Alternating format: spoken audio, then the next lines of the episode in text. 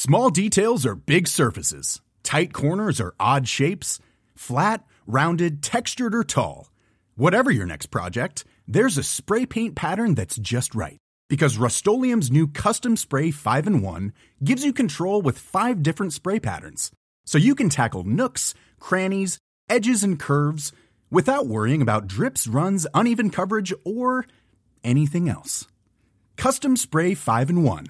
Only from Rust Mom deserves the best, and there's no better place to shop for Mother's Day than Whole Foods Market. They're your destination for unbeatable savings, from premium gifts to show-stopping flowers and irresistible desserts. Start by saving 33% with Prime on all body care and candles. Then get a 15-stem bunch of tulips for just $9.99 each with Prime. Round out Mom's menu with festive rosé, irresistible berry chantilly cake, and more special treats. Come celebrate Mother's Day at Whole Foods Market. Mom deserves the best, and there's no better place to shop for Mother's Day than Whole Foods Market. They're your destination for unbeatable savings, from premium gifts to show-stopping flowers and irresistible desserts. Start by saving 33% with Prime on all body care and candles. Then get a 15-stem bunch of tulips for just $9.99 each with Prime. Round out Mom's menu with festive rosé, irresistible berry chantilly cake, and more special treats. Come celebrate Mother's Day at Whole Foods Market Market.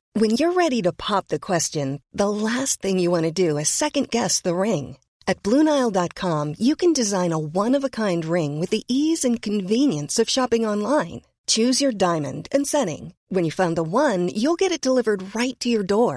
Go to Bluenile.com and use promo code LISTEN to get $50 off your purchase of $500 or more. That's code LISTEN at Bluenile.com for $50 off your purchase. Bluenile.com code LISTEN. I'm amazed how many people own stocks. They, they, would not be able to tell you why they own it. They couldn't say in a minute or less why they own it. Actually, you really press them down and say, the reason I own this is the sucker's going up. There's enough cash in the financial system, and there's an infinite amount of cash at the Federal Reserve, an infinite amount of cash. Put that check in a money market mutual fund. Then we'll reinvest the earnings into foreign currency accounts with compounding interest, and it's gone. So they had to do something. All they had left was just to print money and start buying things. And that's what they did. Quick buck artists come and go with every bull market, but the steady players make it through the bear market. They say money can't buy happiness. Look at the fucking smile on my face.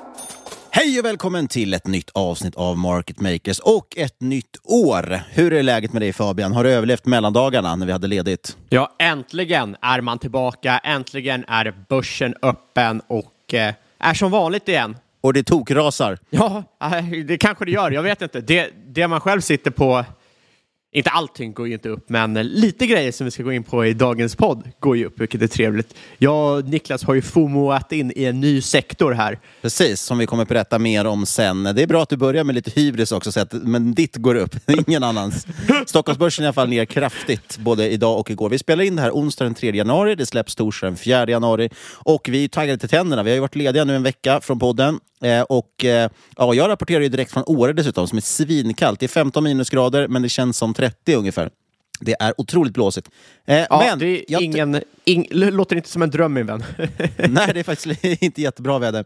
Men jag tänker så här, vi kör det vanliga upplägget egentligen för årets första avsnitt. Det vi ska gå igenom lite, vad sa vi egentligen i förra årets nyårsavsnitt? Vad var våra spaningar för 2023 och hur gick det med de spaningarna? Och vad har vi för någonting framöver? Dels eh, prata lite om i året, som sagt, vad vi har för typ av case framåt, vilka sektorer vi gillar och så vidare. Så att, eh, ja, det blir ett toppenavsnitt helt enkelt. Kanske årets bästa. Synd egentligen att man bränner det första dagen på året. vi ska dock som vanligt påminna om, vi kommer att prata väldigt mycket sektorer och saker vi tror på och inte tror på, men då måste man komma ihåg att som vanligt är det ingen rådgivning eller rekommendation. Vi berättar bara om vår process och hur vi tänker. Du måste alltid göra din egen analys och glöm aldrig att alla investeringar är förknippade med någonting som kallas för risk. Ja, och då börjar vi väl lite med vad sa vi egentligen förra året? Eh, vad trodde vi skulle hända 2023? Vi hade ju för det första lite olika meningar om vad vi trodde om året som generellt. Jag hade ju mitt första förlustår 2022. I, under de åtta Det är klart att absolut första året när man började på börsen så, så gick det väl inte heller så bra. Men från åtta år sedan ungefär så har jag fört liksom statistik på hur det gått varje år och beräknat kagger och lite sådana saker. Eh, och gjort det här lite mer systematiskt. Eh, och under de i alla fall åtta åren så var faktiskt 2022 mitt första förlustår, eh, vilket ju förstås var tråkigt. Jag har ju haft som mål alltid att försöka ha absolut avkastning. Och vi kan ju ta en snabb påminnelse om det. Skillnaden då på absolut och relativ avkastning. Att relativ avkastning handlar om att man vill överkasta index. Eh, varför skulle man vilja göra det? Jo, det är ganska rimligt. Om man lägger massa timmar och massa tid och energi på att följa börsen och göra köp, då vill man väl kanske slå en indexfond. Men sen finns det ju något som heter absolut avkastning och det handlar om att man vill alltid gå plus egentligen. Man vill ha, inte ha drawdowns helt enkelt. Eh, och det har jag ju alltid haft som mål, ända sedan ganska tidigt liksom, i min börskarriär, eller vad man ska kalla det för. Eh, helt enkelt för att jag tror att om man minimerar förluster över tid så ger det ett väldigt bra resultat. Och Det betyder att vissa år så underpresterar man index. Det har jag gjort både i år, eller 2023 då. Eh, men generellt över tid så brukar det bli ganska bra. Eh, jag tror på den strategin i fall. Men det var lite jobbigt då. 2022 var mitt första förlustår. Jag brukar lita med, luta mig mot vetskapen om att Ola i Kvalitetsaktiepodden, som jag tycker är en, han är väl bevisligen en av Sveriges bästa investerare. Han har faktiskt också haft ett förlustår. Det var det året han fick sitt andra barn. Eh, och jag fick mitt andra barn 2022. Det var mitt första förlustår. Så det känns lite tryggt. var exakt samma sak du sa förra året också ja. i årssammanfattningen. ja, men precis. Ja, men jag sammanfattade det lite grann bara. Och Då sa jag att 2023 känns som att det kommer bli ett lättare år än 2022. Det var det min långa, långa harang här skulle leda fram till. Medan du tyckte att 2023 kändes svårare än 2022. Jag minns inte varför. Varför tänkte vi så? Varför tyckte vi så olika om det? Men Jag tror att eh, från din synpunkt var det bara att 2022 hade varit otroligt annorlunda. Och eh, det kändes som du hade liksom lite bättre bild över hur 2023 skulle kunna spela ut. Medan jag kom in i 2022 och jag var väldigt säker på um, hur, eventuellt, man vet ju aldrig hur det ska spela ut och man ska inte sitta och gissa för mycket, men det är alltid bra att ha en bild om vilka case kan prestera och det kändes som att jag var, hade otroligt hög conviction när jag gick in i 2022. Um, ehm, jag hade ju inte lägre conviction in i 2023, men det var så mycket som skulle kunna hända. Um, så att, så att det var, det var väl inte så att man var rädd att portföljen skulle tokonka, men det skulle kunna varit ett totalt mellanår. Ja. Om, man, om man hade fel. För det, det, där tror jag är det viktiga som säger att det handlar lite om conviction, upplever jag. Jag kände, minns jag, när jag gick in i 2022, eller egentligen inte när jag gick in i 2022 kände jag inte så lite conviction, men, men det var, vart ju ett stökigt år i och med att jag satt alldeles för länge och var för, lång, för långsam med att, att uh, byta ut mina bolag. Jag hade ju liksom, har ju kört mycket på momentum och det var mycket tech och så vidare. Och det var ju precis det som, som slaktades under 2022 och inte funkade. Och det gjorde att man kom in lite skadeskjuten kan man säga 2023 och kände att shit, jag litar inte på min, min strategi funkar det verkligen inte 2022? Kommer den funka 2023? Eh, och det har den bevisligen faktiskt inte gjort. Eh, så det har varit lite jobbigt. Och på så sätt känns nu faktiskt 2024 lite lättare. För att förhoppningsvis, eh, jag, vet, jag känner mig mer, inte buller ska jag säga, men, men med högre conviction än någonsin nu när jag går in i 2024. Det känns som att det kommer att bli ett bra år. Men det var därför jag tyckte 2023 känns lite lättare. För mycket av det som var riktigt jobbigt 2022, då hade man liksom gjort det. Jag sa ju det då att ekonomin ser betydligt sämre ut, men nu har det prisats in mycket. Eh, jag gissar också på, från våra anteckningar i alla fall, så, så har jag för mig att jag sa att det skulle bottna i H1 och vända i H2. Och det upplever jag ändå att det lite grann har gjort, börsen. Eh, det har ju varit betydligt enklare. Det var som någon sa att nu, eh, tittar man på sektorer och, och, och, delar av börsen som har gått bra så är det ju verkligen under Q4 har ju precis allting gått bra. Eh, och H2 överlag har ju känts betydligt lättare just för att vi haft den här räntemedvinden. Att många ändå sett att nu verkar räntan eh, pika någonstans och ska ner. Ja, Eh, och Det pratade vi lite också om, att jag trodde inflationen skulle komma ner. Det har den ju gjort. Sen får vi se då om det visar sig att det studsar upp igen. Nu har vi hela det här med Suezkanalen, där det är kris igen, som vi kommer komma in på lite senare. Vilket gör att det finns en stor risk att inflationen studsar upp. Men under 2023 i alla fall så gick inflationen generellt ner. Räntorna började prisas in att de skulle ner igen. Eh, men jag trodde också att de skulle stabiliseras på en högre nivå. Och det vill jag knappast ensam om, den synen. att Vi kommer inte komma ner till någon nollränta igen. Men förhoppningsvis kanske räntan kan vara 2% och inte 4-5% Ja, exakt. Och det tycker jag var ett... Eh Ja, det, det, det, var ju liksom bra framåtblickande där och det spelade väl rätt, rätt väl ut. Jag, jag, jag, hade väl inte någon direkt åsikt hur det skulle gå. Jag, jag hade väl samma ståndpunkt som jag har nu, att överlag så kommer inflationen vara svårare att bli av med än vad jag tror konsensus antar. Men jag vet ju inte hur det kommer vara liksom, år till år. Som vi har sagt liksom, historiskt när det har varit hög inflation så tenderar det Liksom, du, du, får lite eh, disinflation, ibland får du deflation kortsiktigt, men det innebär ju inte att du inte har sekulär inflation. Och det är väl det jag tror att risken för oss är, att vi sitter i en, en sekulär inflation, eh, inflationär period. Och det, det tror jag också på faktiskt. Sen förhoppningsvis så ska det inte upp till något 10 igen typ i inflation. Men, men eh, det finns absolut chans att fortfarande... Och priserna kommer inte komma ner särskilt mycket igen. Och det tror jag kanske lite kommer bli en kalldusch för vissa. För jag tror ändå många hoppas och tror, mest tror jag att man hoppas för att man vill att det ska bli billigare igen, att priserna ska komma tillbaka till där de en gång var. Och det tror inte jag kommer hända tyvärr. Och Räntorna kommer också gå ner, bolåneräntor och så vidare. Men de kommer inte komma ner till samma låga nivå som innan. Eh, och Det tror jag ändå att många, lite tyvärr, har ett önsketänkande att det kommer bli att det ska återgå till hur det var innan. Men ett, eh, jag måste säga generellt, om man tittar på hur 2023 har varit, så känns det som att det är eh, för min del har det varit väldigt genomgående att jag har sagt rätt saker, gjort fel saker. Eh, det har ungefär spelat ut som jag trodde under året, om man tittar på liksom den här makrobilden och börsen i stort. Eh, det var också så att, jag vet som vi pratade om tidigt under 2023, också det här med ChatGPT och allting, att nu kommer det bli riktig AI-hås. Eh, och Nvidia var den solklara vinnaren. Den gick över 200 procent, men ägde jag aktier? Nej, det gjorde jag inte.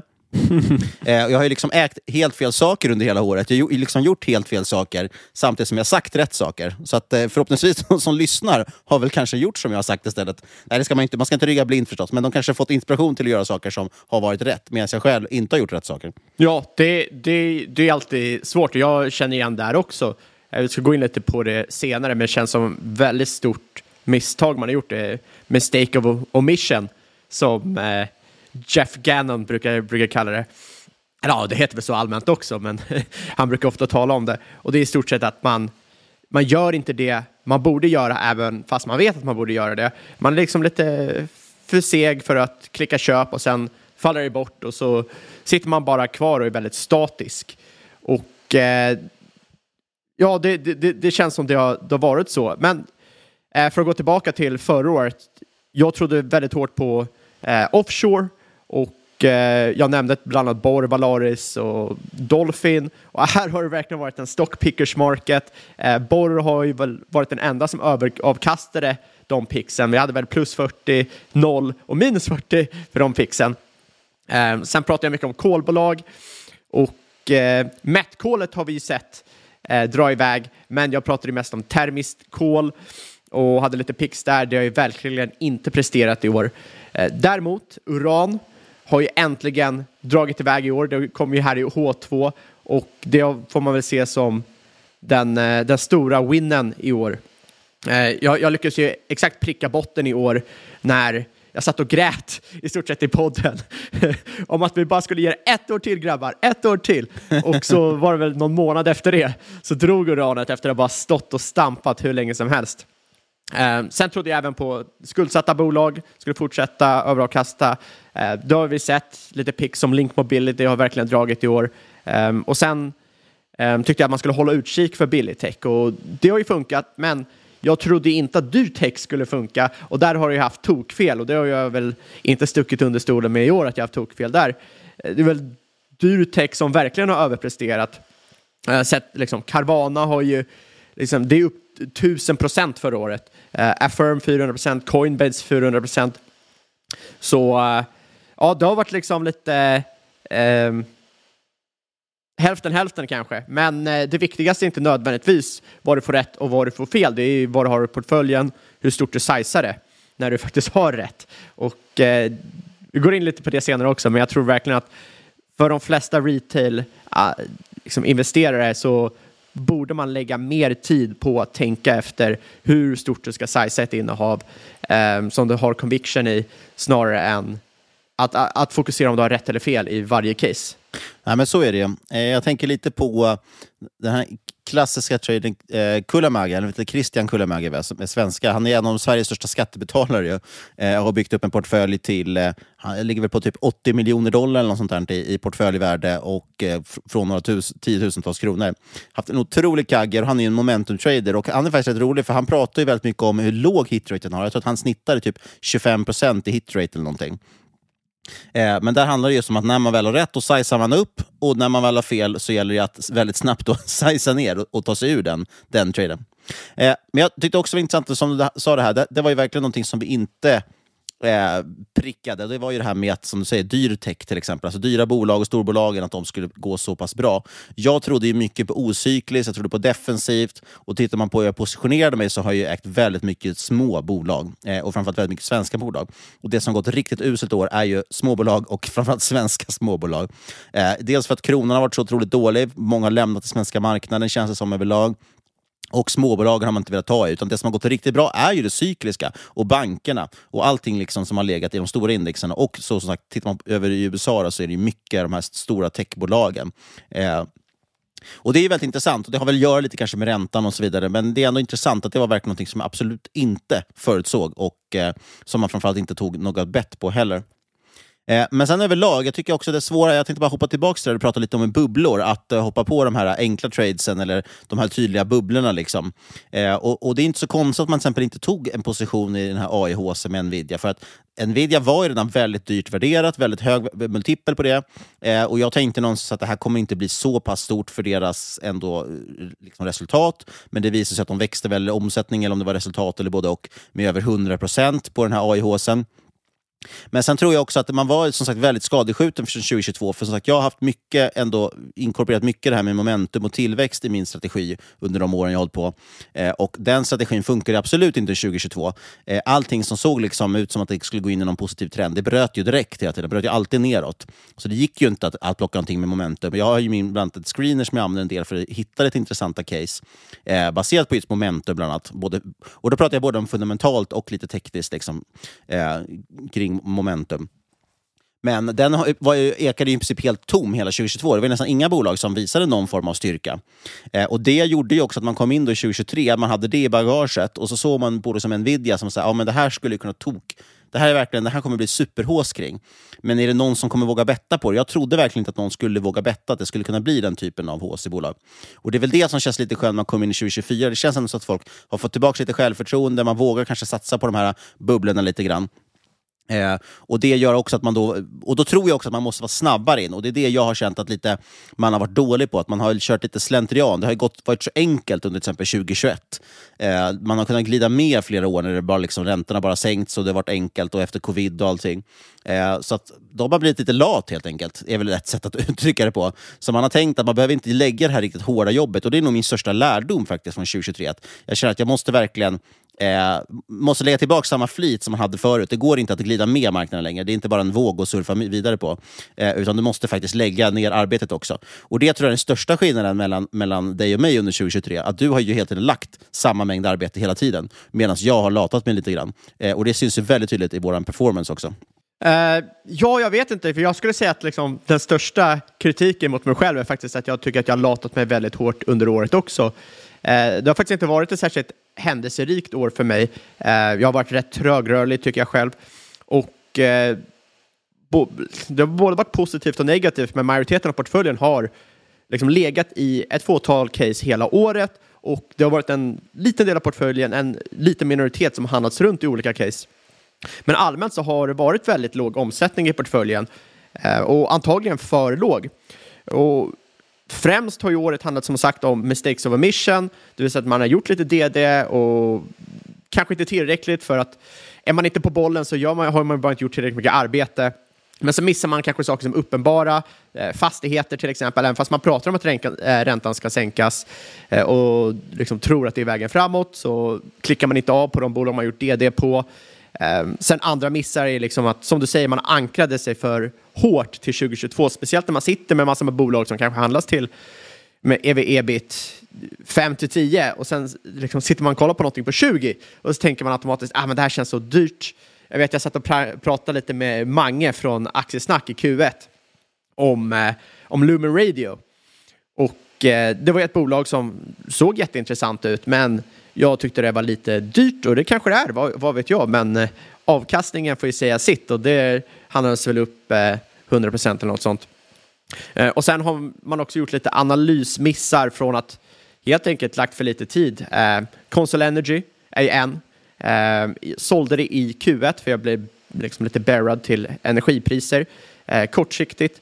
Eh, ni vet ju vad jag tycker om kol långsiktigt tror jag är en helt okej okay trade. Eh, att ha en större portfölj. Men har man tight portfölj vara lite mer aktiv. Eh, men jag missade att de skulle ralla 50 plus procent med Met-kolet. Ehm, och eh, ja, så det har varit lite, lite slapphet, lite lathet på min sida. Och eh, framförallt har jag haft mycket folk inbound i, i DMs på Twitter och liknande som jag verkligen uppskattar. Som kommer med jättebra case, men som jag inte kollar på i tid. Det kan vara hur glasklara case som helst. Eh, men eftersom jag har varit lat har jag inte kikat på det här. Och ja, det känns lite respektlöst för oss som lägger tiden på att höra av sig. Men sen är det också såklart att eh, det gör ju att eh, man inte får lika hög avkastning som man skulle kunna fått. Nej. Men som sagt, hindsight is 2020. Ja, men, och, det, och det är det jag ändå tycker är genomgående, för jag känner samma sak. Att man har känt att man ser vissa saker ibland som man tänker oj, det här är intressant. Eh, och ibland känns, det, det, ibland känns det som att det är för, för mycket no-brain. Det är för first level att köpa Nvidia på AIH. Så det känns för first level att köpa fastighetsbolag när räntan ska ner. För man tänker att det måste ju alla andra ha tänkt också. Och sen går det 100 procent. Eh, och så missar man den avkastningen. Jag har gjort exakt samma miss. Eh, och det andra som jag har känt också, det är just, just som du säger också, att med vissa grejer däremot som har dykt upp, som att det här är ett intressant case, det ska jag kolla på. Och sen kollar man inte på det. Och det är ju ren lathet, att man inte lägger den tiden man borde lägga och att faktiskt titta på det direkt. Eh, och Det är min största grej att ta med mig, för det har jag varit duktig på tidigare, men varit lite lat med de senaste åren. Att faktiskt verkligen titta på saker direkt. Man måste nog vara lite mer det känns som det att man måste vara lite mer snabbfotad faktiskt i sin portfölj. Eh, och det är det jag har haft svårt att vara. Eh, så det är min, min största grej att ta med mig in i 2024, att jag ska vara snabbfotad och våga lite snabbare.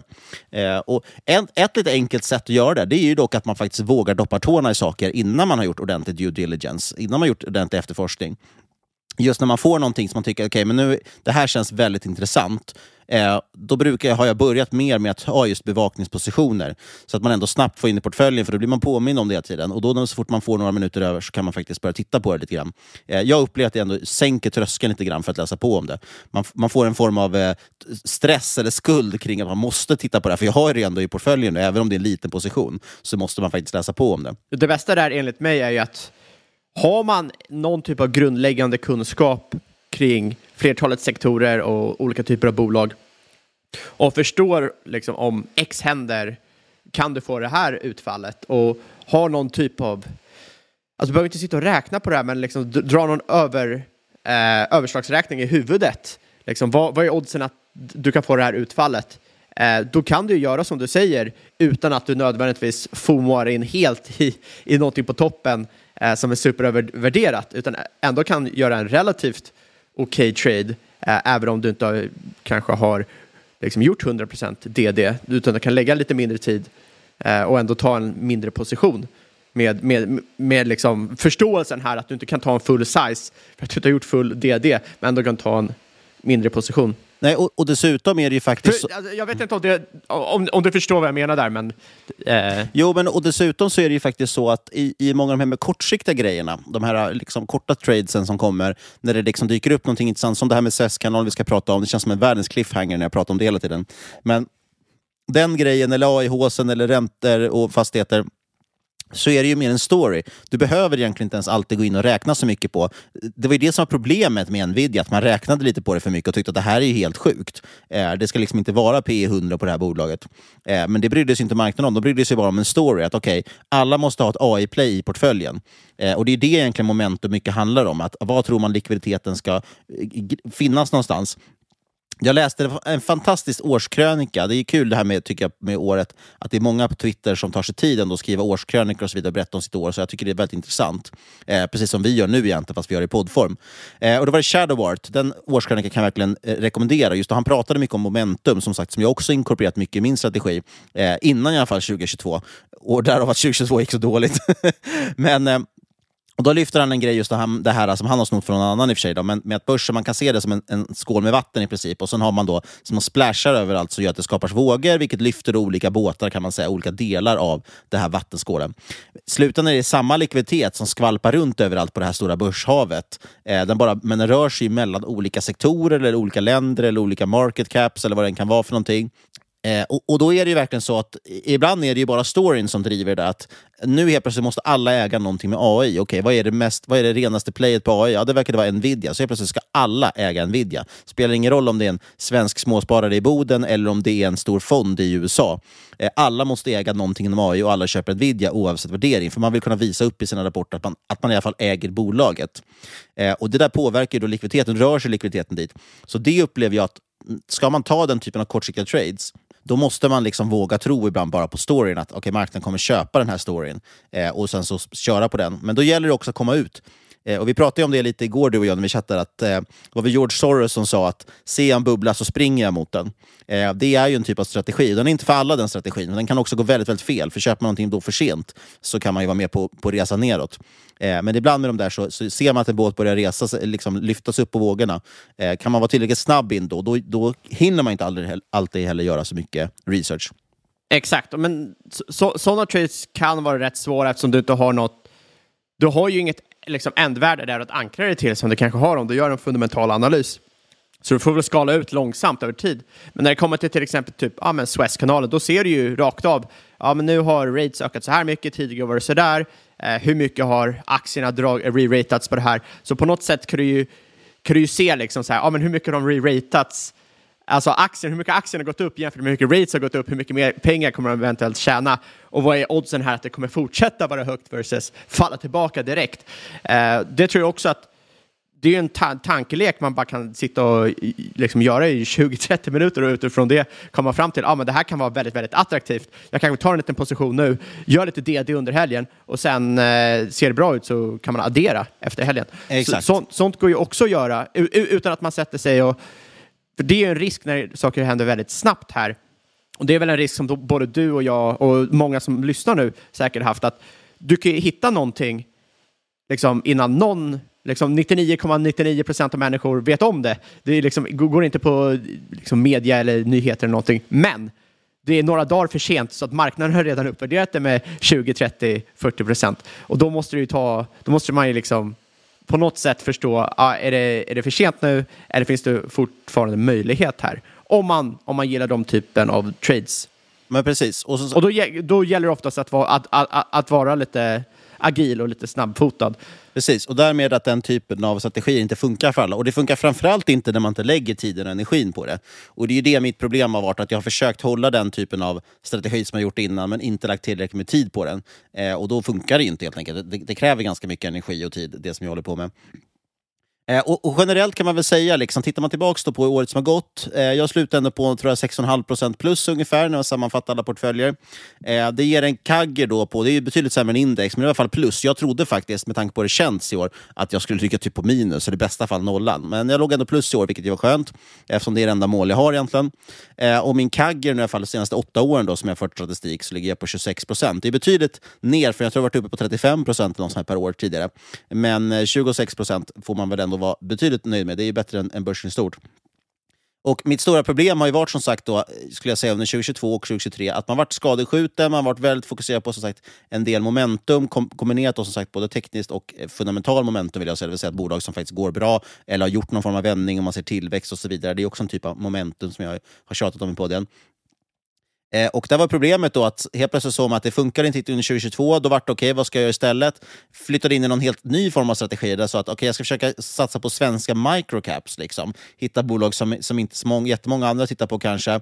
Eh, och därav också att vi haft mycket bolag i podden med låg, eh, låg likviditet och låg market cap. För jag tyckte att det kändes liksom intressant. Att där kan man hitta någonting innan fonder och så vidare. Men det var det absolut sämsta picket man kunde göra i år. För det är det som har haft absolut minst likviditet just av en anledning. Eh, så jag är ändå nöjd att jag klarat mig på plus. Och Det säger någonting om det där med att det är svårt att hålla på och testa nya strategier. Det är bättre, och det är det jag skulle ut från början egentligen. Det visste jag ju redan, sa jag väl redan 2023, att, eh, att mitt stora problem var som sagt när min moment, när ingenting uppvisade någon form av den liksom, det fanns ingen typ av place som jag gillade. Det fanns ingenting som visa, uppvisade någon form av momentum och så vidare. Eh, då minns att jag tänkte ändå tanken flera gånger att jag kanske borde liksom inte då ta massa positioner. Eftersom det är ingenting här som passar det jag handlar efter, då borde jag ju kanske inte heller ta någon position och bara sitta på händerna och våga sitta på händerna eh, och se på då. Och, men då är man så rädd. Då har man som FOMO, man är så rädd att börsen ska gå upp och man själv inte sitter på någonting. Så då försökte man hitta andra saker istället, vilket ju då gjorde att man sagt under 2022 fick ett rejält minusår. Eh, så det var ju otroligt klantigt. Och, och, det är väl det som skiljer de riktigt duktiga investerarna som Buffett och så vidare. De vågar ju sitta på, på händerna, de vågar ha tålamod eh, och vågar vänta in rätt typ av eh, eh pitch. Liksom. Nu känns det dock väldigt kul eftersom det är så pass mycket som ser väldigt, väldigt intressant ut tycker jag, som passar mig också. Ja, du menar att eh, det är momentum igen och allt går upp? ja, men lite så. Det finns ändå så pass mycket intressant. Eh, och sen så någonstans känner man sig lite nytaggad att man ska, måste, måste ska lägga energin och tiden på det igen som man gjort tidigare. Vad var, vad var bästa respektive sämsta case för dig då? Eh, I 2023? Ja, men jag vet faktiskt inte riktigt. Eh, jag har att jag, jag har också så dåligt minne och det är ytterligare en sak som har med latet att göra. Jag har ju varit betydligt mer disciplinerad tidigare, eh, inte bara när det gäller investeringar utan nästan allting. Jag gillar ju att föra statistik på saker och ting och föra data och spara saker.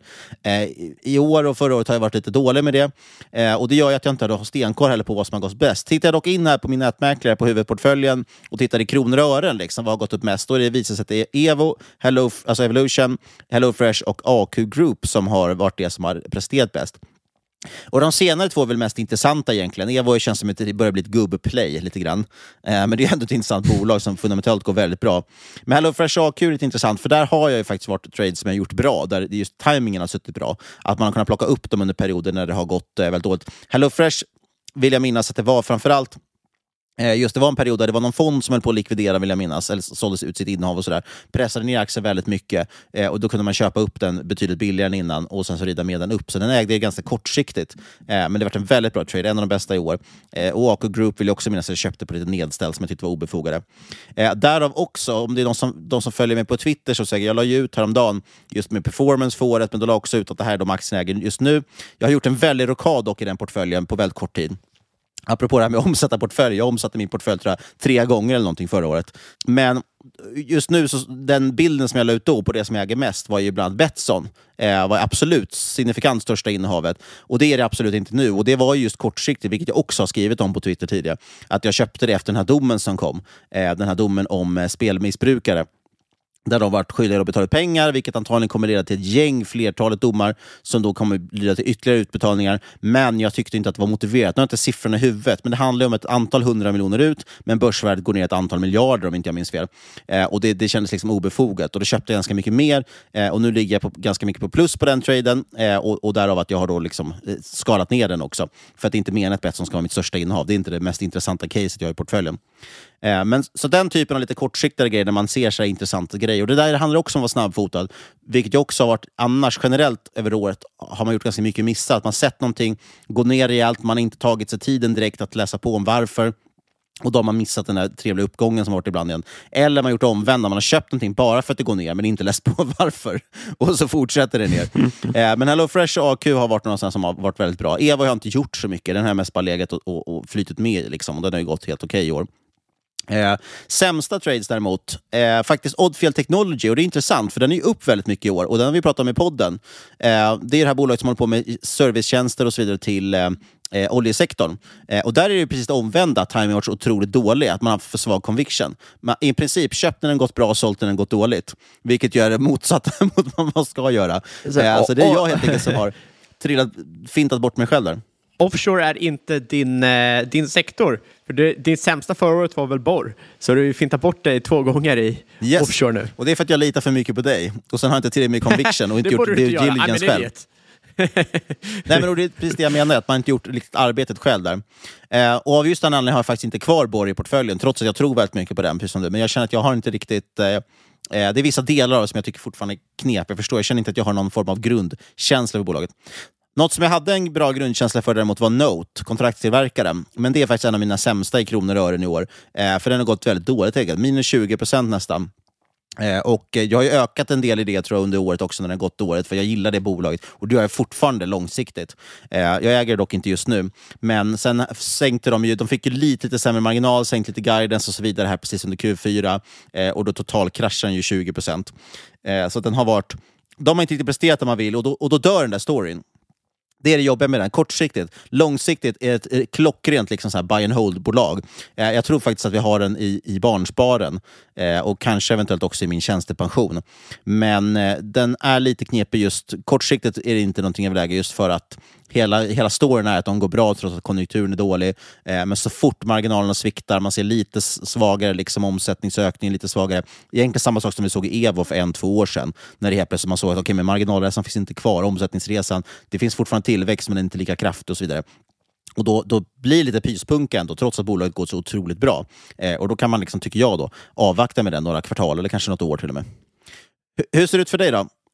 Kör du fortfarande på att du inte håller på att titta Eh. på din procent eller som du, du snackade om så mycket förut? Alltså, så här, jag, jag, jag vill ju säga att det där kanske är lite missförstått. Eh, jag lyssnade ju på förra årets eh, podcast och jag vill inte säga, det är inte så att jag inte bryr mig om min avkastning, jag bryr mig väldigt mycket om min avkastning, men jag bryr mig inte om min historiska avkastning. Alltså jag bryr mig jättemycket om i år, eh, vad som kommer hända 2024 och det är det jag satsar hårt på, men när det är över så är det över. Eh, och jag tror väl att det finns liksom rätt mycket nackdelar med att eh, skylta med min egen avkastning. Eh, dels för att jag är dum i huvudet och om jag har ett bra år så kommer folk tro att jag är bra. Eh, och för det andra är liksom att ha bra avkastning. och eh, ja, folk kan få för sig att du har mer pengar än vad du har och det kan leda till otrevliga grejer. Speciellt ett land som, nu bor jag inte i Sverige, men ett land som Sverige är bara kolla upp vart du bor liksom.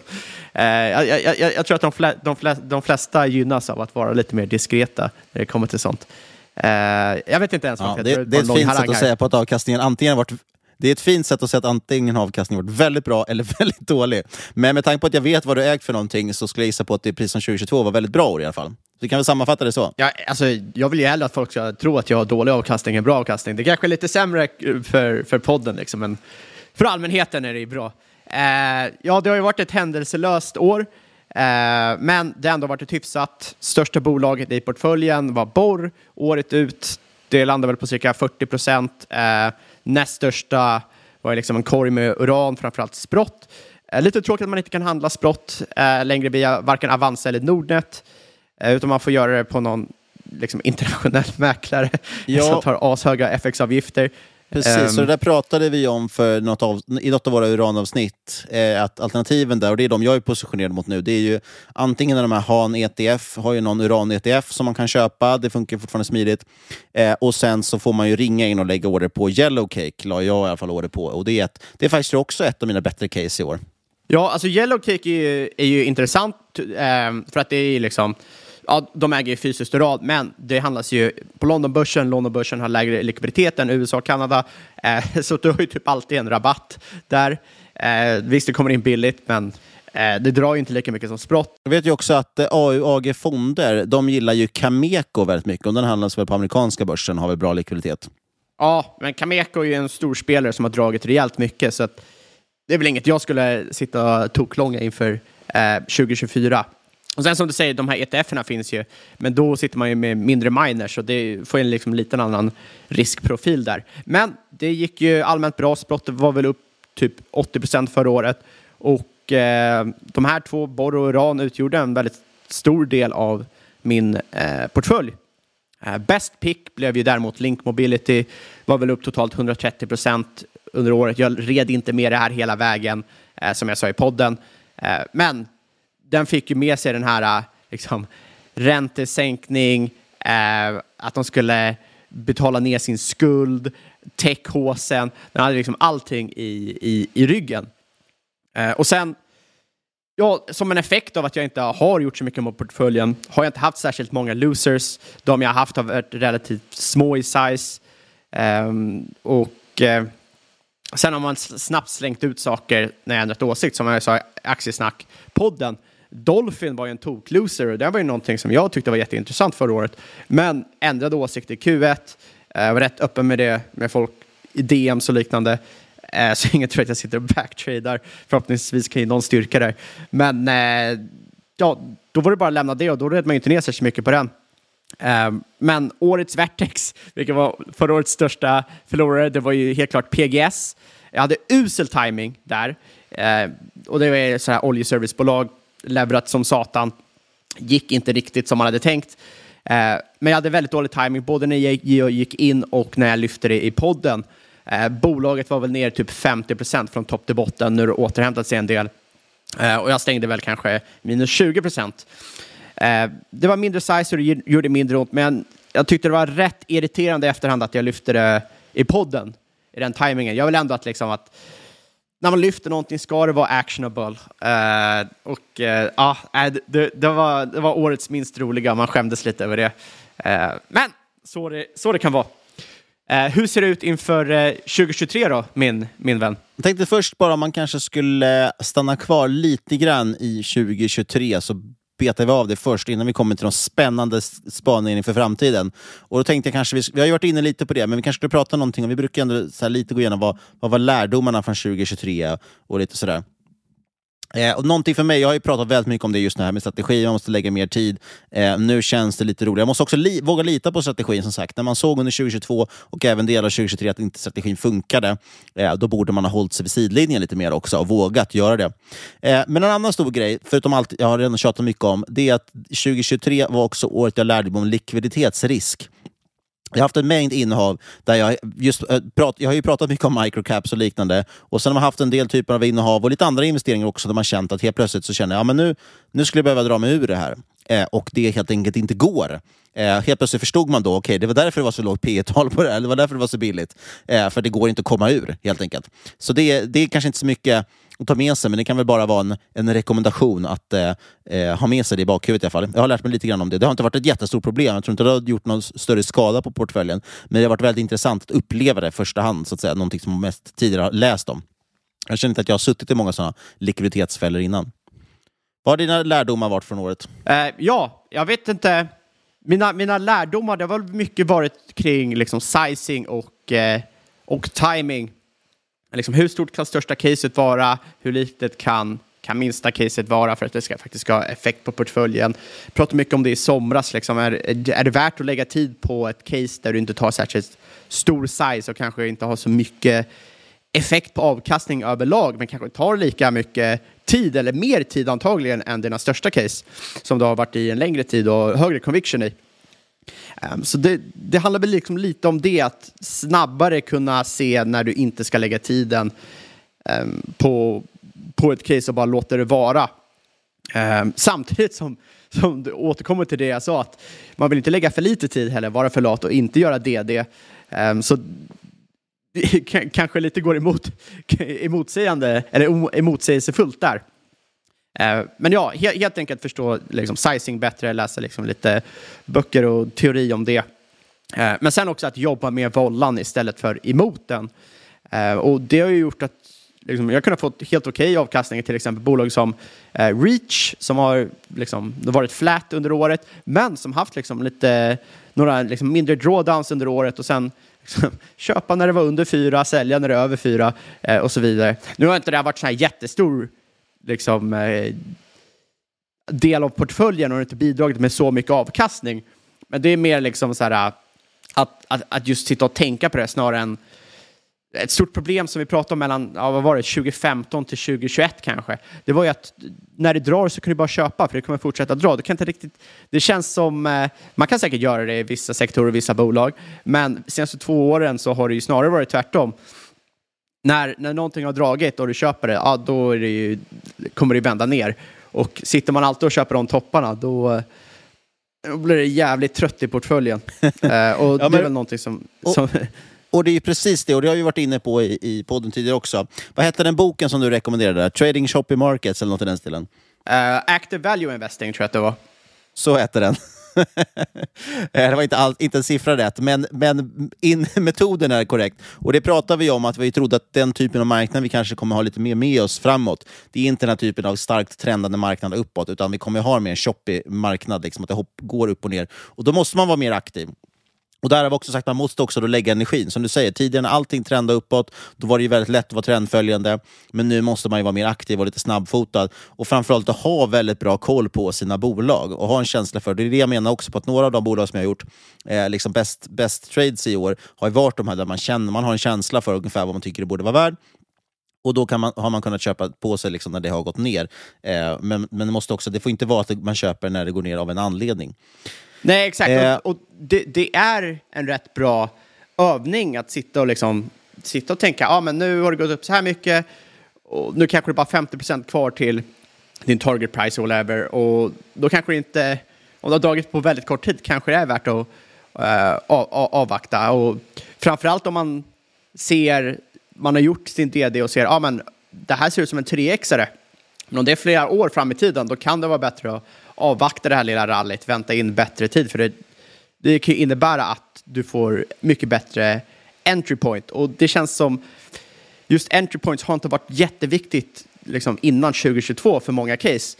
Um, och nu kanske det är lite mer rimligt att, uh, att ta hänsyn till det, kolla lite mer tekniskt. Ooh, jag vet att folk liksom ryggar till där, men speciellt för mig som har naturlig fallenhet för FOMO och jobbar aktivt på det så är det väldigt är det väldigt viktigt att inte köpa när du har dragit liksom limit up 10. Så gör man ju det ibland, men limit up 10 dagar i rad liksom, utan kanske vänta tills det motsatsa har hänt, att du har dragit ner om det faktiskt är fundamentalt attraktivt långsiktigt. Ska vi också vi brukar prata någonting lite om böcker också. Jag känner ju dock att eh, sen jag varit eh, far så har jag väldigt... jag kommer ingen vart i mina böcker. Eh, så jag har inte läst jättemycket böcker i år. Eh, framförallt inte så mycket finansrelaterat. Det har väl varit typ den här Emperor of Pain som du rekommenderade. Eh, jag har läst den här boken om FTX som väl heter typ Limitless eller något i den stilen. Eh, to Infinity, eller vad heter den? To Infinity heter den. Ja, eh, den är väldigt bra också. Eh, och sen tror jag att jag läste om typ Warren Buffett Way eller något i samband med vår Omaha-resa, Omaha som för övrigt får läggas upp som årets höjdpunkt tror jag nästan, att vi faktiskt har med den innan Charlie Munger eh, tyvärr gick ur tiden. Eh, annars får jag väl säga att bästa boken jag läst i, i år är kanske Born to Run, för jag har kommit in väldigt mycket på löpning i år. Men det har inte så mycket med finans att göra. Uh, ja, uh, ja, men det beror på hur man ser det. Jag tycker att mycket lärdomar inom investering och träning går in i varandra. Så att, uh, det är inte nödvändigtvis negativt att läsa träningsböcker och relatera till Nej, sorry. börsen. Men, men, jag skulle säga just Born to Run, jag vet inte om du har läst den, men, men den är inte så mycket träningsbok. Den är ju mer som ett resereportage. Ja, okay. eh, så det är en väldigt bra, allmänt eh, kul läsrekommendation, oavsett om man gillar löpning eller inte. Eh, däremot, är ju, som jag faktiskt håller jag med just det här med träning och investeringar går väldigt mycket ihop med varandra. Framförallt ränta på ränta-effekten är väldigt påtaglig i båda. Ja, och jag har ju läst eh, ja, lite mer än så kanske. Eh, men jag har ju heller ingen familj utan, eh, och inget socialliv. Jag har inget annat för mig. Eh, men eh, finansböcker, ja då är det väl just active value investing som du nämner där och eh, eh, capital returns som vi pratade om i Aktiesnack. Vi har även haft det i, i podden och kontentan av båda dem är liksom hur du liksom, del, dels liksom hanterar bolag när de blir liksom dyrare och billigare och eh, hur du ska tänka kring köp och sälj där. Och eh, för den andra, capital returns handlar det liksom mer fundamentalt vad som händer i en kapitalcykel eh, och eh, hur mycket, ja, men till exempel supply påverkar eh, ROI och liknande. Ehm, jättedålig utläggning av mig. Jag är lite, lite trött i huvudet idag, men eh, de är båda väldigt, väldigt eh, trevliga böcker. Ja, jag kan hålla med. Jag, nu, nu säger jag, Active Value Investing läste jag ju faktiskt efter, efter tips efter Omaha. Där.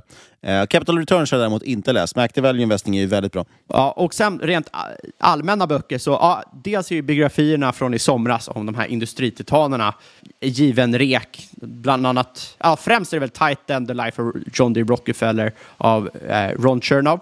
Kniper väl första plats. Han är väl den mest kända att läsa om och därför tycker jag den viktigaste. Framförallt första halvan av den boken många så här biografier om kända människor, då är det liksom första halvan av livet som är intressantast för att det är då allting händer, men det är oftast det som är det kortaste avsnittet eftersom de är inte kända när det händer så det skrivs inte så mycket om dem då.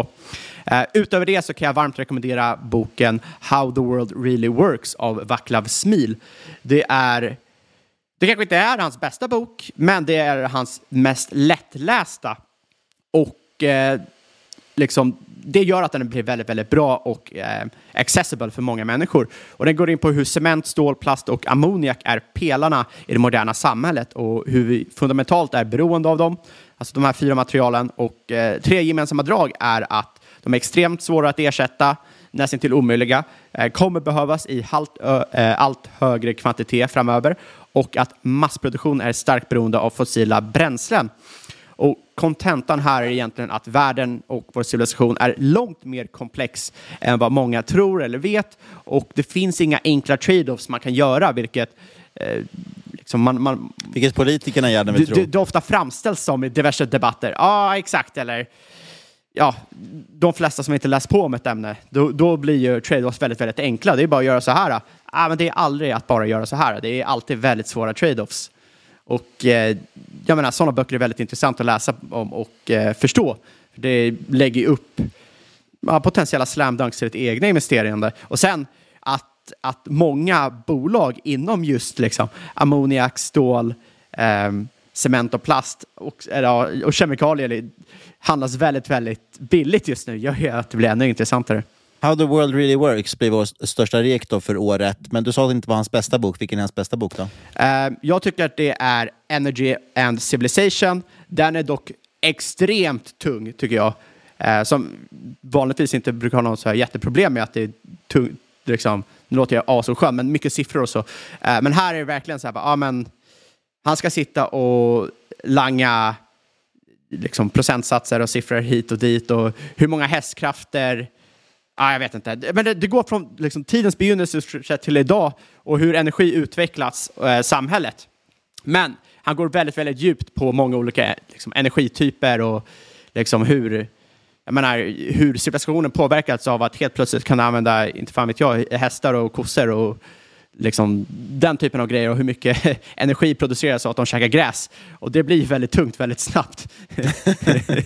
ja, just den delen låter inte så intressant. Däremot är ju effekten av det väldigt intressant. Det är ju en av de viktigaste delarna känns det som inom, inom energi, som man måste förstå att energidensiteten är ju det som har ökat så mycket. Att vi kan få ut väldigt mycket mer. Det är därför fossila bränslen har varit så bra. För att vi får ut väldigt mycket energi ur en väldigt liten volym. Eh, och det gör ju att hela, hela samhället blir effektivare och mer produktivt. Ska vi hoppa fram till... Det, det är i stort sett kontentan i boken. Så att, eh, du sammanfattar ju den där, så man behöver inte läsa den. Ska vi hoppa fram till det lyssnarna kanske väntat mest på och det är ju vad spaningarna är framåt. Dels kanske specifika case men också allmänna trender som man ser framåt för 2024. Absolut. Vill du, eh, vill du börja först eller? Ja, men börjar du. Vi kanske ska bredda av det här med Suezkanalen, höll jag på att uttala det fel. Suezkanalen först och främst, eftersom vi har hintat så mycket om det. Det är ju en sektor som både du och jag är exponerade mot. Och jag ska tillägga det, apropå det här med exponering och disclaimers och så vidare, att utgå från att allting vi pratar om, om inte aktivt... Vi, vi säger ju, försöker ju aktivt säga vad vi äger och inte äger. Eh, vi kommer prata om så mycket olika bolagssektorer i just det här avsnittet, känns som, så det kommer vara svårt att sammanfatta allt på slutet. Så utgå från att vi har ett intresse i allt vi pratar om. Uh, ja, exakt. Och Ja, kortsiktigt är det väl att eh, du har Suezkanalen, den är lite, lite disruption där för de här eh, Iran-backade Houthis sitter och skjuter ner en massa, eller skjuter mot en massa skepp. Först var det israeler, nu är det alla typer av eh, skepp. Och eh, där är ju, det är 15 procent av den globala handeln eh, som går via där. Ja, men alla minns ju den här Evergreen som ställde sig på tvären i Suezkanalen eh, och hur stor eh, problem det varit för hela, hela världens egentligen logistikkedja. Men framförallt ska man väl säga att det är Europa som påverkas väldigt mycket. Eller förlåt, jag, jag ska säga så här. Det, det påverkar säkert stora andra delar av världen också, men, men för oss europeer så blir det väldigt påtagligt. Medan USA känner yes. att de kanske klarar sig lite mer. Problemet blir ju, kan man inte gå Suezkanalen, då måste man ju gå runt egentligen hela Afrika när du ska skeppa något från till exempel Kina till Sverige. Då. Eh, och problemet innan är att Evergreen ställer sig på tvären. Det var ju liksom en olycka. Det är svårt att undvika eller svårt att liksom ha någon tänka på. Det som har hänt nu är att vi har ju ett enormt inbördeskrig i Jemen som ju väldigt många säkert har läst om, men man kanske inte är så insatt i det. Jag har inte varit så insatt i det.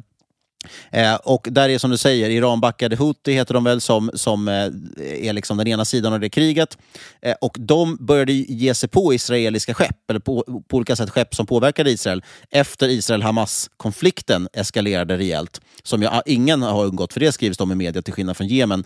Eh, men det gjorde ju att, och sen så började de ge sig på andra skepp som du säger, så helt plötsligt har ju till exempel Maersk då, som är ju det danska enorma shippingbolaget, har ju nu sagt, just nu skriver skrivande stund i alla fall, att de inte vill köra genom Suezkanalen på grund av det, eh, säkerhetsrisken. Och Det gör att alla måste köra runt Afrika. Så det är väl en ganska bra sammanfattning av, av läget och bakgrunden. Ja, de flesta vill ju inte köra liksom, genom Suezkanalen eh, just nu. Och jag såg någonting att genomströmning, där i för någon vecka sedan, hade sjunkit med 80 procent. Och som sagt, det här är 15 procent av global handel, men det är liksom 30 procent av container trade och tanker trade och så vidare som ska till um, som ska till eh, Europa. Eh, som ska, ja, allt det här ska ju till Europa från Asien i stort sett. Eh, men sen har du ju också det här att eh, Panamakanalen har ju störningar på grund av torka. Så där har genomströmningen sjunkit med 50 procent och förväntas sjunka till med 75 procent fram till januari, februari. Så du har ju liksom två väldigt viktiga passager här.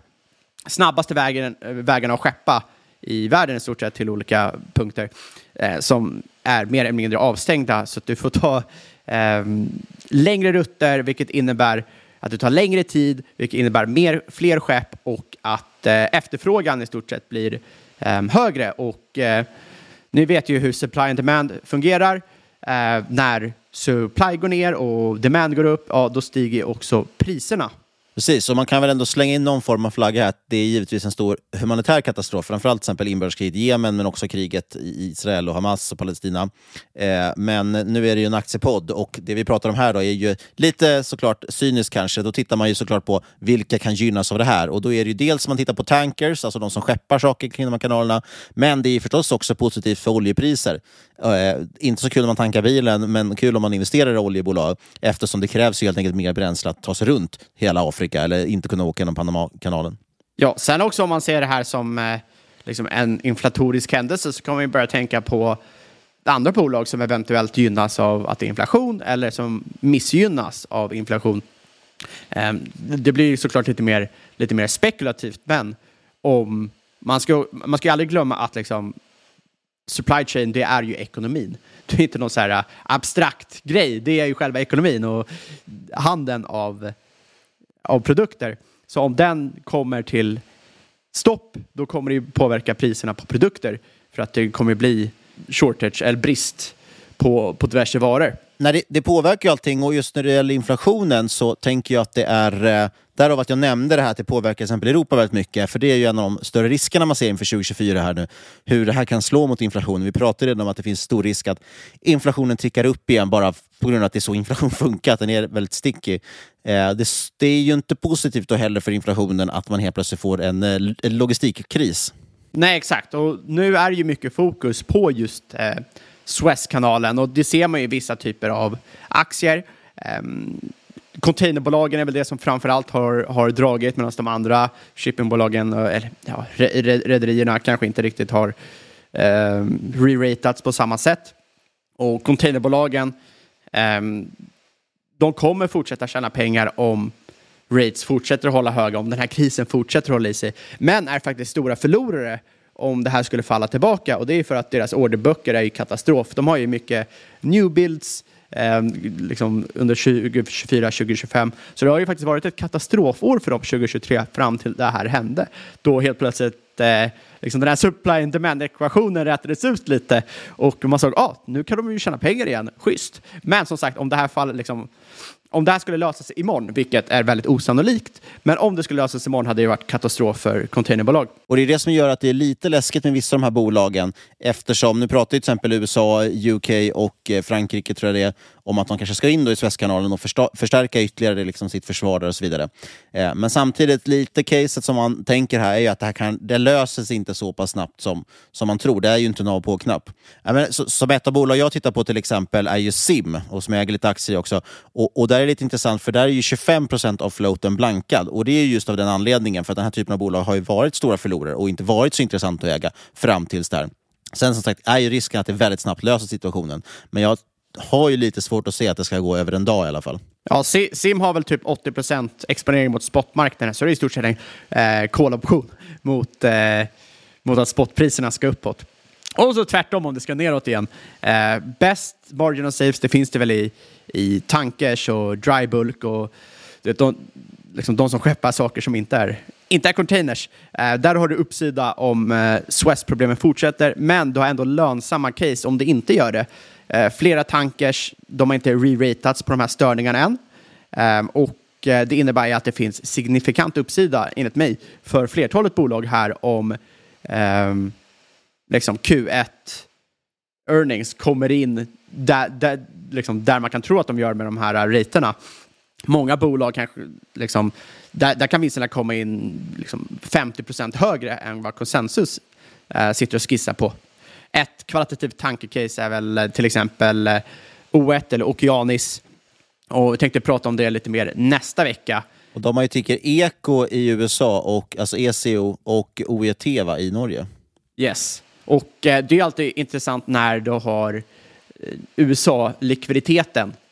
Ja, men precis. Och det där hänger ihop lite sen vi pratade om tidigare med den här story-grejen också. Att det man vill hitta här är ju liksom också den typen av bolag. Jag föredrar ju bolag som då till exempel i USA noterade när det gäller den, typ av, den här typen av kris. Liksom, och där man vet att många kommer kanske hoppa på den här storyn och leta efter bolag. Och då kommer ju de börja med att leta efter amerikanska bolag. För det är, de amerikanska investerarna har ju störst pengar. Störst pengapåsar som ska in. Eh, jag gillar ju då att äga mer kanske amerikanska bolag i den här typen av, eller väldigt likvida bolag i den här typen av stories i alla fall. Ja, sen är sån här, eh, den här sektorn är ju extremt cykliskt, extremt snabba cykler. Om man tycker att offshore är volatilt, då ska man hålla sig borta här, för det är väl eh, tio gånger så volatilt och en liksom raterna kan ju svänga med 50 procent på typ en dag. Eh, så det går, det går fort i hockey här. Eh, men det, jag tycker det är väldigt intressant. På samma tema så tror jag offshore kommer fortsätta funka nästa år. Eh, Borg är mitt pick där. Och lik tankers och drybulk så är det ju också en demand story med begränsad orderbok. Och det går ju tillbaka till boken med rekade capital returns. Um, liksom, om du har bra efterfrågan men låg utbud, ja, då kommer du antagligen få rätt stabil ROI på din investering. Men eh, Niklas, vad, vad mer förutom shipping och så kollar du på inför, eh, inför nästa år? Ja, men shipping är ju kul. Och... Eller ja, inför i år. Det är ju 2024 redan. precis. Och jag ska väl nämna att just det här med shippingen för mig i alla fall är en ganska kortsiktig play, för jag tycker den här storyn är intressant. Eh, överlag, jag har faktiskt också lite krypto igen sen något kvartal eller två tillbaks. Och det har ju varit ett litet play på det här med lägre räntor, ökad riskvilja. Eh, men det är ingen jättestor del av portföljen. Något som jag tycker är ganska intressant, eh, vissa saker vill man kanske spara till podden också, eh, men någonting som jag kanske tycker är lite intressant, en intressant story här också, eh, det är väl lite det här med broken retail, som jag kallar det för, som jag börjar titta mer på. Och Det är ju helt enkelt mycket konsumentfokuserade bolag eh, har ju överlag, över liksom hela brädet, skjutits ner rejält. Det är många bolag där som är väldigt, väldigt utbombade, med all rätt. För konsumenterna är svagare, konjunkturen är dålig eh, och den här typ, många av de här bolagen har varit väldigt dyra innan. Men då kan man i den här skräphögen, höll jag på att säga, i den här högen med utbombade bolag, hitta några bolag som faktiskt går lite bättre än vad man tror. Men jag ska först börja med några som kanske, jag tror kanske har spelat ut lite till viss del, men det kan säkert finnas uppsida kvar. Eh, men, men då kan man nämna, så här, vi pratade till exempel om förra avsnittet tillsammans med Aktiesnack, pratade vi om Cefello, det var ju Peters play, eh, eller Peters case för den tävlingen. Han pratade om Cefello, alltså det som är Linas matkasse i Sverige. Och Den är ju typexempel på det. Du har ett bolag som är totalt utbombat, folk tror att de kommer aldrig kunna konkurrera med HelloFresh och så vidare. och så vidare. Och Mycket av det här stämmer, i liksom, tesen stämmer ju. Men det finns ju alltid ett pris fortfarande. Och, och gör de vissa förbättringar, i deras fall gjorde de ju stora marginalförbättringar och har säkert en hel del kvar att göra. Och då helt plötsligt fick du en uppvärdering på 100% på kort tid. Nu säger jag inte så att det ska bli så i alla de andra bolagen, men den är ett extremexempel på någonting som är alldeles för billigt. Och gör man då minsta möjliga förbättringar, gör man vissa förbättringar då, så kan det väldigt fort uppvärderas. Eh, och Det där tycker jag är intressant, för jag tycker man ser det i vissa, eh, vissa av den typen av bolag. Jag vet att också Peter har väl någon position i Nelly, där det är också något liknande play, där man menar på att det här ser bättre ut än vad det, vad det värderas till just nu. Eh, några som jag tycker är intressanta, ett väldigt uttjatat är ju New Wave. Och där har man ju mer att det är en lång historik, ett väldigt kvalitetsbolag, väldigt lågt P tal Man får lita på Torsten där helt enkelt han ska sköta den skutan. Oj, där, där, där har du ju ultimata, där har du ultimata Suezkanal-caset. Du får, inte, du får inte containers från Kina till Europa, det blir inflation på massa kläder och så kommer Torsten där med sin eh, hunger för stora lager. Precis. Och så är det... krossar han index. Och så var det Han var ju en vinnare under covid på grund av att han hade så stora lager och det kommer kanske betala av sig igen. Eh, men ska jag ta två case här för att vara något specifikt som vi inte pratar så mycket om podden, då tycker jag faktiskt att något som är intressant och som jag har positioner i, ska väl tilläggas då för transparens skull, är ju dels Rugvista och det var ju lite av en rugpull som man kallar inom krypto känns det De IPOades väl på i största håsen och aktien är väl ner jättemycket sedan dess. Eh, och De säljer ju mattor på nätet, egentligen e-handel. Vi kommer kanske gå in på det mer på något framtida avsnitt. Men det är lite intressant. Det är ett väldigt utbombat bolag, men nu är de faktiskt tillbaka till organisk tillväxt igen, så bolaget växer faktiskt.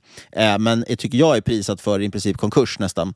Eh, den är lite intressant. Jag såg också att den har dykt upp sådär, plockats in i några portföljer eller fonder och så också.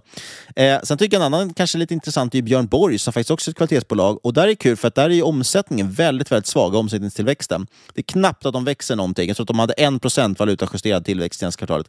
Men resultatet ökar väl 10-15% och det beror på dels att deras e-handel går väldigt bra Eh, så de har ju helt plötsligt liksom hamnat i en situation där de kan öka sina marginaler väldigt mycket och faktiskt öka vinsten.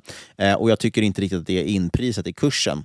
Så den typen av liksom stories tycker jag är lite intressanta nu. Där man hittar bland de här utbombade bolagen bolag som gör lite små marginella förbättringar ändå. Eh, och förhoppningsvis så, så vaknar marknaden för det och prisar in det. Eh, Hemnet kanske skulle kunna klassas in i den här delen också. De har vi pratat om tidigare. Eh, det är ett bolag som man tänkte så här, first level är att det ska gå jättedåligt för att det säljs ju inga hus. Men det blir tvärtom. De ökar marginalerna och försäljningen tack vare att de har en ökad, man kan väl kalla det ARPU då. De, de kallar det inte själva det, men, men de säljer ju helt enkelt mer per annons för att det är fler som betalar för premiumtjänsten nu när det är svårt att sälja hus. Eh, och man skulle ju kunna tänka någon first level där också, att det ökar ännu mer. Nu när räntehöjningarna liksom, höjningen verkar pausa, så kanske de får sänkt ränta. Då är det nog många som känner, andas ut och ska nu sälja sina hus. Tänk att nu kanske jag får det sålt. Och då kommer man ju lägga ut ännu mer hus än vanligt. Eh, och här får man betänka också att Hemnet har introducerat en ny möjlighet att man kan betala för sin annons först när huset säljs. Vilket ju förstås är väldigt intressant också, så det blir lite låg risk. Och, och börjar det då säljas lite mer hus kanske än vad det gjort under hösten här, då kanske man får lite sådär ketchup-effekt på det. Eh, men alla det här är ju, väldigt, är ju ganska kortsiktiga case ändå. Och kortsiktigt menar jag inte dagar, men det kanske är månader liksom, som bäst. Kanske inte något år ens. Eh, och de är lite momentumdrivna på ja, olika Man behöver inte alltid äga ett bolag. Man, ser man kan ju hyra det också. ja, och man ser någon form av liksom momentum här. Eh, dels ser man det lite intressant, både tekniskt men också att i flera av de här så är det just att, att fundamentan helt plötsligt vänder och ser lite bättre ut än vad de gjort tidigare. Eh, och det kanske inte riktigt har prisats in i kursen än. Så det är väl lite det som jag tittar på ganska mycket just nu. Sen har jag lite andra case också förstås, men inte jättemycket att ta upp som är intressant i podden. Jag har fortfarande kvar lite betting som jag varit inne på. Jag har ju en hel del uran, men där har du säkert vettigare saker att säga än vad jag har. Nej, det tror jag inte. Alltså, ur- uran tycker jag är... Eh, ehm, det är fortsatt intressant. Det är, det är liksom en, eh, en favorit av de, av de gula stenarna. Uran på ena sidan, guld på andra. Eh, men jag tror ju att de lätta pengarna har ju tjänats här. Eh, men det betyder ju inte att, liksom, sektorn, att det är över för sektorn. Eh, nästa år kommer cirka 160 miljoner pounds produceras, 210 miljoner pounds konsumeras, det vill säga ett gap om 25 procent. Och det här är ändå en must have-råvara. Kärnkraft står för cirka 15 procent av världens energi. Så det är, liksom, det är ingenting man helt plötsligt ska bara, ah, ja, fan det här blir lite för dyrt. Dessutom, som vi pratat om tidigare, är det rätt billigt för utilities att köpa in det till skillnad mot till exempel kolbolag där det är majoritet av kostnaden. Ja, och det finns en, eh, en sekulär trend här ändå, att man tror på mer kärnkraft, som vi ser väldigt tydligt, tydliga bevis på. Ex, e, exakt. Eh, spotpriset ligger nu på 92 procent, eh, 92 procent, 92 dollar. Eh, vilket liksom, det har ju börjat röra sig över break-even-pris för producenter, vissa i alla fall. Men det tar ju tid för de här producenterna att komma online. Eh, snackar i flera år och i nu, nya gruvor så är det ju liksom 10-15 år.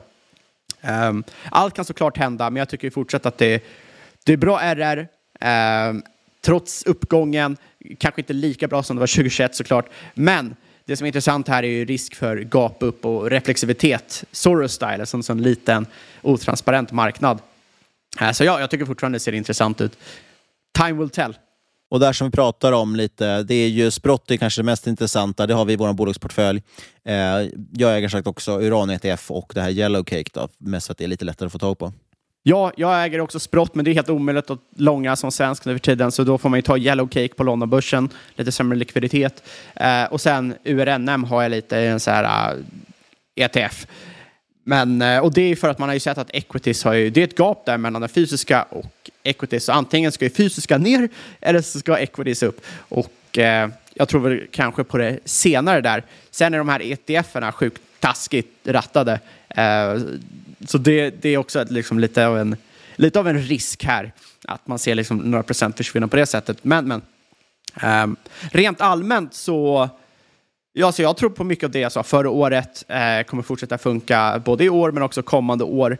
Eh, även det som kanske inte nödvändigtvis faktiskt funkade förra året. Eh, man kanske ska jaga sig med, liksom, med, med, eller man kanske ska lugna sig med att jaga exakt det som funkar just nu. Eh, vänta in liksom någon dippar och så och inte alltid fomoa in. Men rent allmänt så tror jag att det kommer funka. Eh, och som jag sa för två avsnitt sen så tror jag liksom det är value, det är small och mid cap, cykliskt, uh, ädelmetaller är väldigt intressant, vissa råvaror, räntekänsligt och emerging markets. Uh, nu, det känns som jag sa typ alla sektorer.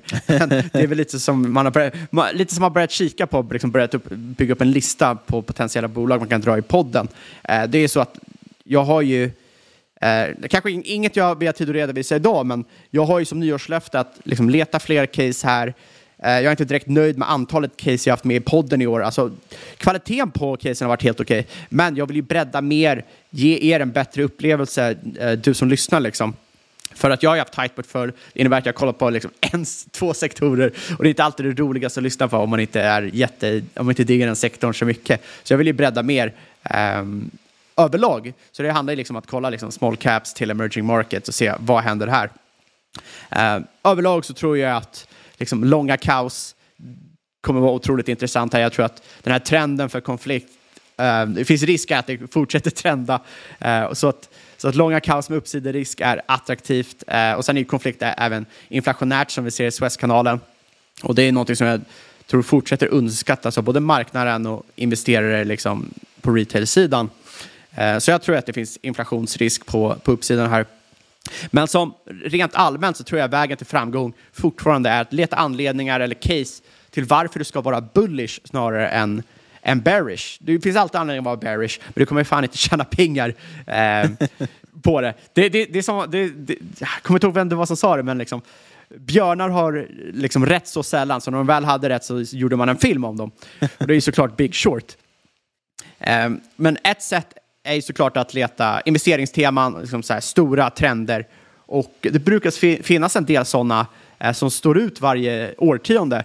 Liksom 70-talet var det energi och råvaror, 80-talet consumer och retail, 90-talet var det såklart tech, 2000-talet var det Kina och emerging markets och 2010-talet var det var lite oklart i början, men sen från 2015 framåt då var det självklart att det var tech och det var biotech som var huvudtemat.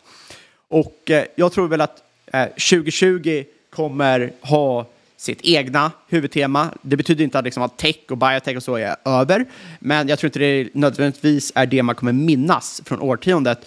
Utan jag tror att det kommer handla mycket om infrastruktur och reindustrialization och elektrifiering och så vidare. Och det kan liksom påverka vart man vill kika eh, och leta i, i tider där det kanske är lite kaosigare och där man har svårt att, att hitta conviction.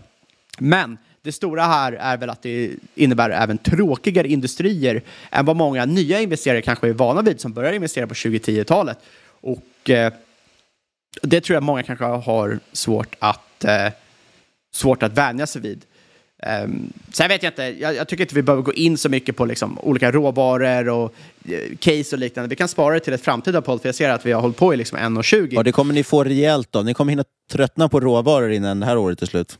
Ja, men alltså, jag, jag, har ju som löfte att dra ner på allt sånt. Alltså, jag kommer inte sluta med det, jag kommer säkert lägga ut mycket på Twitter och så, men eh, försöka bredda lite där mot, eh, mot eh, andra case och andra sektorer och liknande, bara för att det, det, är, det är inte alltid bra att eh, sitta och vara tokfokuserad på en sektor. Det gör faktiskt att det är lättare att missa hur, hur liksom den sektor man är fokuserad på presterar och risker och liknande. Eh, men allmänt så tror jag ju att marknaden kanske tagit ut lite i förskott här. Jag såg att eh, amerikanska marknaden i alla fall har prisat in 5,5 räntesänkningar eller 136 baspunkter från Fed sedan november. Um, och det gör ju som liksom, det gör att man känner igen sig från 2021 här. Eh, krypto, shitcoins och biotech, det rallar. Um, så vem vet, alltså så här, jag, jag, jag, tycker ekonomin verkar hålla, um, så är många många råvaror som annars liksom börjar skrika under recession håller sig rätt bra, typ koppar och järnmalm och liknande. Så min stora fundering här, jag ska inte säga att det är någon kol eller någonting, för det är det verkligen inte. Jag undrar om den stora funderingen här om liksom, 2024s pain trade kommer vara att fejda eh, det här rallyt, alltså att gå kort de här eh, skittecken och fortsätta vara lång Mag 7 som har funkat i år, eller majoriteten av året. För att, för att det känns ju verkligen som att det är det alla tror kommer hända. Det, kän, det känns ju väldigt, väldigt konsensus att eh, eh, vi liksom pikar lite 2021 och mycket av de här uh, jätte, liksom, uh, tungt värderade skitbolagen kommer vända ner, MagSaven kommer fortsätta funka och uh, har lite recession. Vi kan ju för lyssnarnas skull säga att Mag 7, det är ju Magnificent 7 va? Det är ju ett nytt uttryck. Vi höll ju förut på mycket med Fanga och Fang och Manga och allt, alla möjliga förkortningar. Nu har det blivit Magnificent 7 och det är alltså Alphabet, Amazon, Apple, Meta, Microsoft, Nvidia och Tesla har de väl slängt in där också? Ja, det är möjligt. Det är möjligt. Ja, eh, som sagt, eh, som jag sa eh, för några avsnitt sedan, jag är rätt bullish eh, och eh, då låter man ju alltid extra dum. Man låter ju som mest smart när man är bearish, men eh, jag menar, det, det, det, Men man tjänar mer pengar som man, bullish. man, man, känner... Det handlar ju bara om att flytta dit till rätt ställe och vara bullish. Det är som vi pratade om tidigare med att likviditeten skvalpar ju runt i marknaden, men någonstans måste den alltid vara. Det är ganska sällan det är egentligen jättemycket pengar på sidlinjen. Eh, någonstans finns oftast pengarna exponerade och det gäller ju bara att flytta, flytta med den strömmen.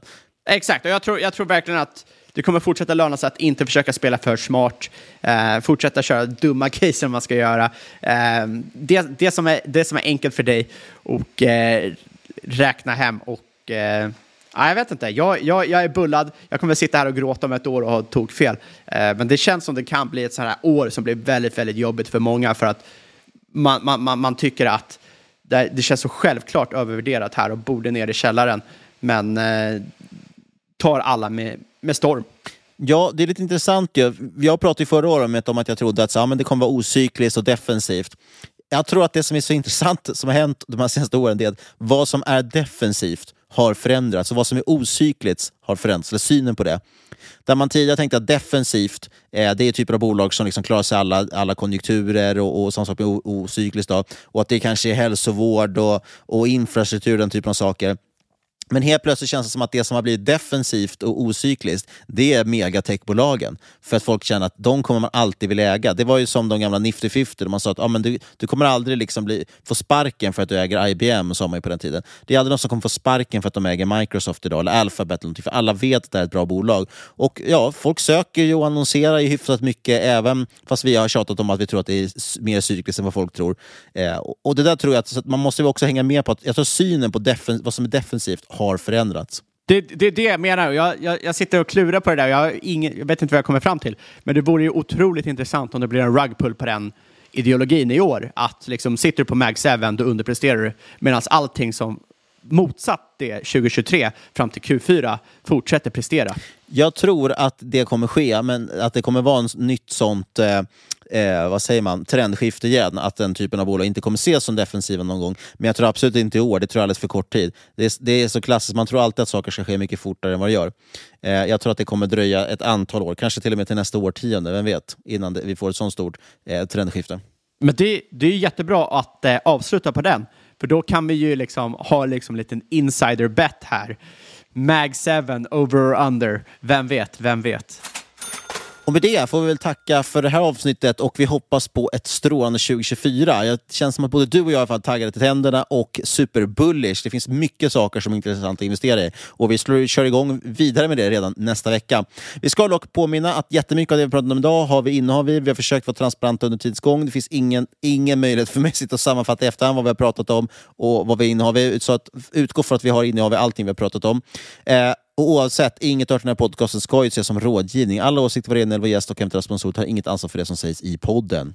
Ja, tänk på att alla investeringar är förknippade med risk och sker under eget ansvar. Kontakta oss på podcast.marketmakers.se eller på Twitter marketmakerspod om ni vill någonting eller lämna en recension på iTunes. Och... Jag skickar in lite frågor. Eh, vi, vi, brukar inte köra så mycket frågor i podden, men man får faktiskt ställa in frågor. Vi kanske ska börja med det, att lyfta upp några också i avsnitten kan ju vara intressant. Ja, det kan vi väl göra om du vill, min vän. Eh, och sist men absolut sist, inte minst, absolut... vad vill du göra? Nej, det brukar jag säga. Ja, men jag vill, jag vill säga Ska vi ändra på det i år eller? Nej, nej, tar du den, tar du den. Ja, du får säga det den här gången, men resten av året så tänker jag säga det. Får jag verkligen säga det? Ja. Och sist, men absolut inte minst, kära lyssnare. Och jag menar dig som sitter och lyssnar på det här just nu. Du är en otroligt vacker människa. Stort tack för att du har lyssnat. Vi hörs igen om, om en vecka.